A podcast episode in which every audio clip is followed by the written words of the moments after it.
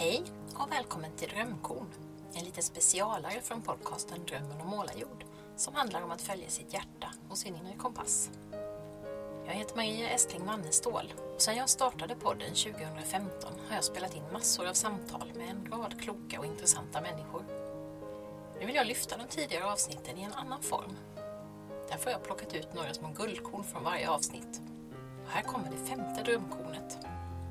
Du ska få möta Anna Lovind som framförallt jobbar med att hjälpa människor att utforska sin kreativitet.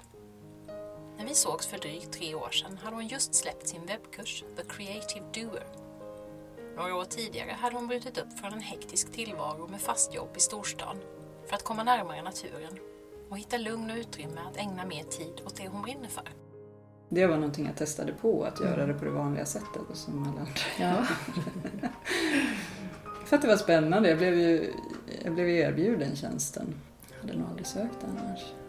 Jag hade redan startat företag innan dess för att, för att börja och för Ja. att komma in någonstans och sådär. Men, men jag testade och det var jätteroligt och, och lärorikt men, men jag kände ganska snabbt att det, det kan aldrig bli långvarigt det här. Jag måste tillbaka till mitt huvudspår.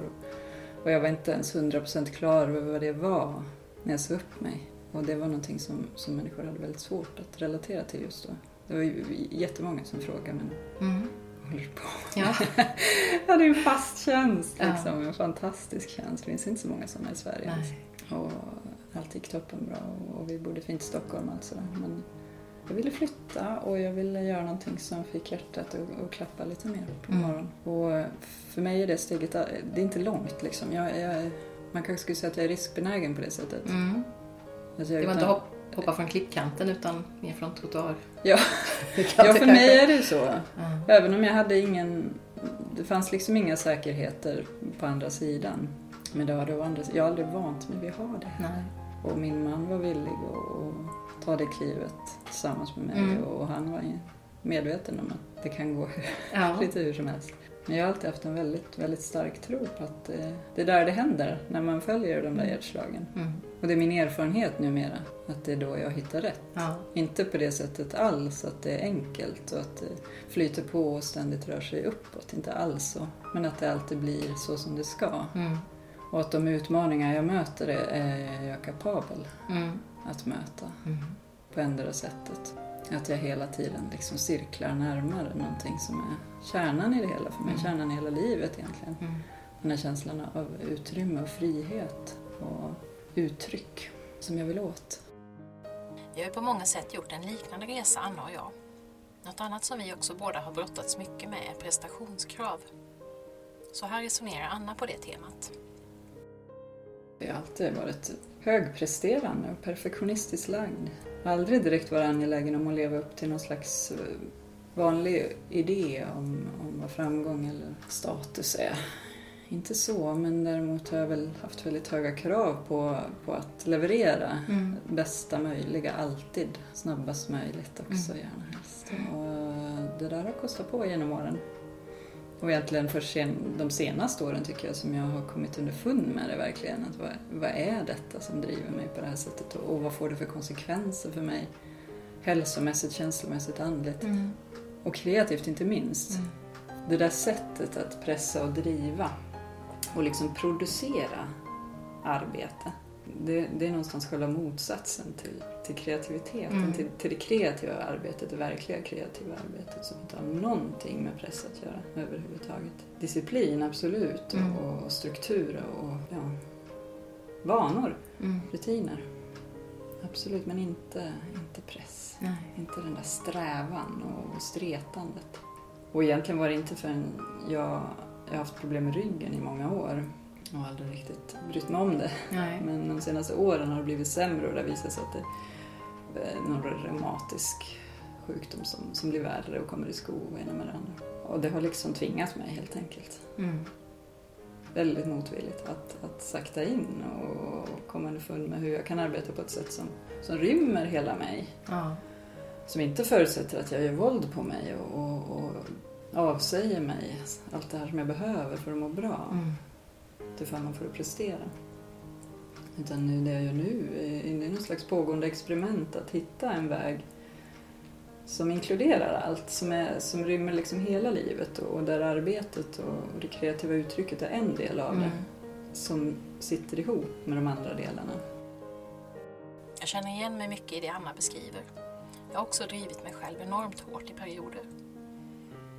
Idag tycker jag att jag har andra drivkrafter än att prestera. Mina drivkrafter idag handlar mycket mer om lust och meningsfullhet. Vilket också har lett till att jag, precis som Anna, i alla fall för det mesta, är betydligt bättre på att ta hand om mig själv än jag var förut. Hållbarhet är ju ett viktigt begrepp för mig. Och det handlar inte bara om att försöka bidra till en hållbar planet, utan också till hållbara människor, inklusive mig själv. Anna uttryckte det här så fint i ett blogginlägg för några år sedan. Att istället för att hela tiden blint kämpa på och pressa sig framåt, se sin inre röst som en magnet som drar en i rätt riktning.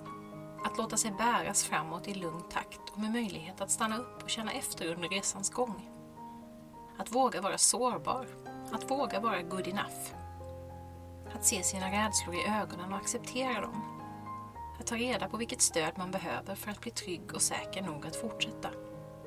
Här har vi återigen den där simdynan som Sara Norrby Wallin pratade om i det första drömkornet. Och på tal om good enough, här kommer till sist Annas tankar på det temat. Att inte vänta tills allt är perfekt och allt är Mm. klart utan, utan att tillåta saker och ting att vara en process. Så att ja, men jag börjar nu även om jag inte kan allt och vet allt. Mm. Och så får jag lära mig lite längs vägen och så får det vara okej att det inte kommer vara perfekt ända från början. Men att det är bra nog. Ja, för annars hamnar man ju där, att Ja. man vill men man Ja. kommer aldrig till skott. Absolut, det är det bästa sättet att avhålla sig från att, att göra det man vill. Mm. Att, att vänta tills, dels tills man är redo, vilket man aldrig någonsin är. och sen tills det är bra nog, Mm. vilket det aldrig någonsin blir. Nej. Det blir bara tillräckligt bra Ja. och det är tillräckligt. Så. Ja, good enough-perspektivet är någonting som jag har haft enorm nytta av i många år nu. Både jobbmässigt och privat. Dels för att det har gjort livet mindre prestationsinriktat och stressigt. Dels för att det har inneburit att jag faktiskt har vågat skapa, till exempel den här podden. Utan good enough-tänket hade det inte blivit några 77 avsnitt vid det här laget. Då hade jag fortfarande suttit och läst på om intervjuteknik och vilken som är den bästa mikrofonen. Jag brukar citera Bob Hansson som jag tycker har sagt något så bra. Så här skrev han i tidningen Leva 2010. Också den dikt jag tycker är dålig kan glädja någon annan. Om det händer blir jag såklart genast glad. Och för detta krävs en generositet som överstiger min egen fåfänga. Men herregud, man ska väl inte visa upp det sämsta man gör? Det är väl inte snällt varken mot en själv eller den andra? Jo, för om man delar med sig också av det sämsta man gör, ja då kan ju någon annan få tanken att herregud, det där kan jag också göra. Kanske till och med mycket bättre. Och vips så har man gett en annan människa lite skaparlust. Vill du lyssna på hela poddavsnittet med Anna hittar du det i de flesta poddappar.